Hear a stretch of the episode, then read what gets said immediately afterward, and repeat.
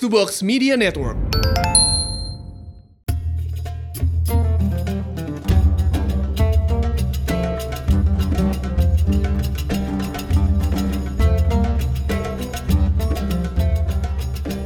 Assalamualaikum warahmatullahi wabarakatuh.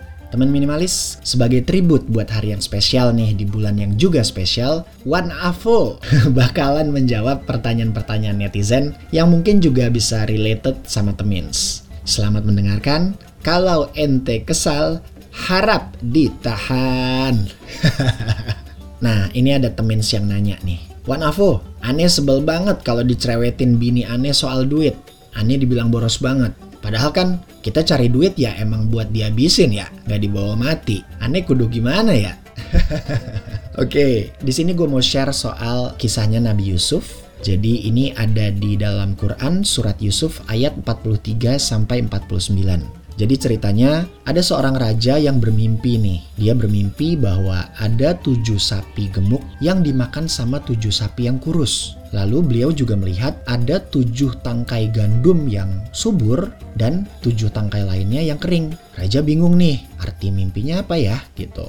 Akhirnya raja memanggillah Nabi Yusuf alaihissalam untuk uh, menanyakan hal tersebut karena Nabi Yusuf juga memiliki kemampuan untuk menafsirkan mimpi. Lalu Nabi Yusuf berkata, akan tiba masanya selama tujuh tahun, di mana tujuh tahun itu merupakan masa subur. Jadi, apa pun yang ditanam itu akan bisa dipanen dengan melimpah.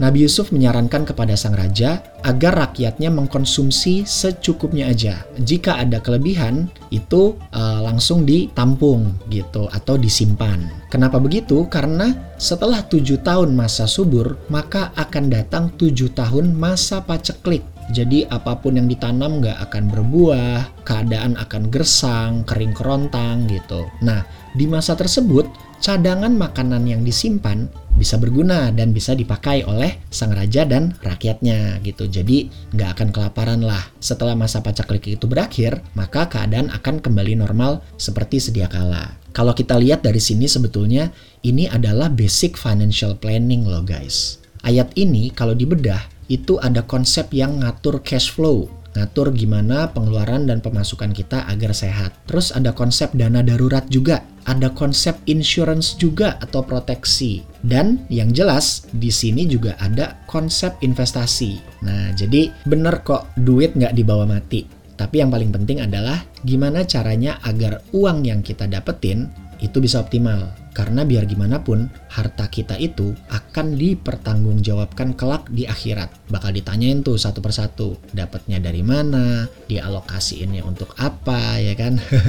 Jadi mudah-mudahan dengan penjelasan ini, ente bisa lebih bijak lagi ya manage keuangan, dan tentunya bisa tambah kompak dan mesra sama istri. Nah, ini ada pertanyaan selanjutnya nih. One Avo. Aneh bingung nih, gimana sih caranya ngatur waktu? Rasanya tuh saban hari 24 jam itu kurang mulu.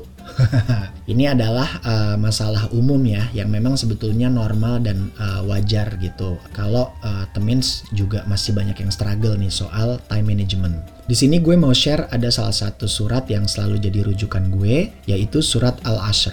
Gue coba bacain dalam bahasa Arabnya dulu ya sebelum nanti gue translate. A'udzubillahiminasyaitonirrojim. Bismillahirrohmanirrohim. Wal asr. Innal insana lafi khusr. Illal ladzina amanu wa amilus solihat. Watawasau bil haq. Watawasau bis sobr. Demi masa, sungguh manusia berada dalam kerugian. Kecuali orang-orang yang beriman dan mengerjakan kebajikan. Serta saling menasihati untuk kebenaran dan saling menasihati untuk kesabaran. Di surat ini sebetulnya sangat ditekankan banget ya bahwa yang namanya waktu itu adalah hal yang paling berharga. Dan waktu itu juga nggak bisa diputar balik. Makanya setiap detik, setiap menit, setiap jam harus bisa kita manfaatkan untuk hal-hal yang memang jos. Kalau dari gue sendiri ada empat unsur yang bisa kita jalankan di dalam waktu yang kita miliki. Nah, empat hal tersebut adalah iman, ilmu, amal, metal. kita bisa mengisi waktu kita untuk memperdalam iman dengan cara menginstall hati kita dengan software-software yang jos. Karena kalau hati kita udah mantap, semua tujuan yang akan kita capai itu insya Allah bisa terwujud. Terus yang kedua tuh ilmu. Kita bisa memanfaatkan waktu yang kita miliki untuk belajar dan sharing pengetahuan yang kita punya. Apalagi ilmu ini kan merupakan salah satu amal yang gak akan putus pahalanya ya, walaupun kita sudah tutup usia. Mantap. Yang ketiga itu amal. Kita bisa memanfaatkan waktu yang kita punya untuk beramal. Amal itu bentuknya banyak, nggak harus berupa materi, bisa berupa tenaga, bisa berupa saran, nasihat atau wejangan, ya kan? Bahkan bisa berupa senyum, karena senyum itu sedekah. Dan yang terakhir harus metal. Metal ini artinya adalah kita harus menghabiskan waktu kita itu dengan cara yang asik dan kita juga harus menghabiskan waktu kita itu dengan Sparta, Bray. Satu hal yang paling harus diingat, sebaik-baiknya manusia itu adalah yang paling banyak manfaatnya bagi orang lain. Pertanyaan selanjutnya. Wan Afo, aneh kan orangnya gampang ngedrop nih. Apalagi pas pandemi gini, apa-apa susah Wan. Mau gerak, tapi serba salah. Di rumah doang, Gimana dapur mau ngebul kan? Ani udah coba ngelamar kerja nih, tapi ditolak terus. Ani coba buka usaha, gagal terus. Ani mau nanya nih, gimana sih caranya biar kita nggak putus asa? Uh, ini ada dua ayat favorit gue nih, yang uh, selalu gue jadiin self mantra juga ya. Ayat-ayat ini diambil dari surat Al-Insyirah, ayat 5 dan 6. Fa inna ma'al usri yusra, inna ma'al usri yusra. Artinya, karena sesungguhnya Sesudah kesulitan, itu ada kemudahan. Sesungguhnya, sesudah kesulitan, itu ada kemudahan.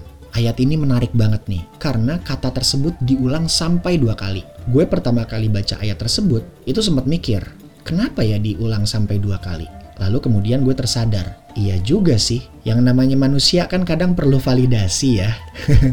Terkadang kita nggak cukup nih kalau cuma dinasehatin sekali aja harus berkali-kali. Nah, makanya gue melihat ayat ini itu sebagai bentuk kepastian bahwa yang namanya kesulitan dan kemudahan itu pasti sepaket, nggak mungkin misah-misah kayak di masa pandemi ini misalnya. Banyak orang yang melihat masa pandemi ini sebagai masa yang sulit. Tapi di masa yang sulit ini, ada juga kok orang-orang yang bisa sukses karena memanfaatkan kesempatan yang ada atau sesimpel merubah perspektifnya mereka. Yang terpenting adalah keep going on, ya kan? Keep moving forward, istiqomah istilahnya gitu. Jadi stay on the right track ya kan stay on your track walaupun godaan kiri kanan kencang walaupun cobaannya juga kayak gelombang tsunami gitu kan. Karena sesudah badai pasti akan ada pelangi.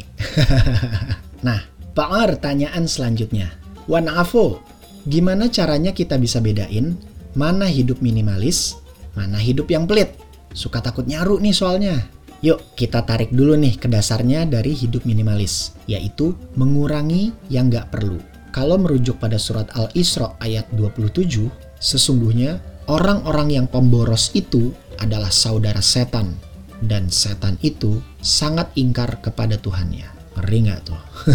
Dari ayat tersebut, Temins bisa lihat bahwa yang namanya hidup minimalis itu bukan berarti Temins jadi punya alasan atau excuse buat mager menjemput rezeki atau skip merawat diri. Karena yang namanya kerja kan juga ibadah. Yang namanya belanja itu wajar. Yang penting sesuai fungsinya.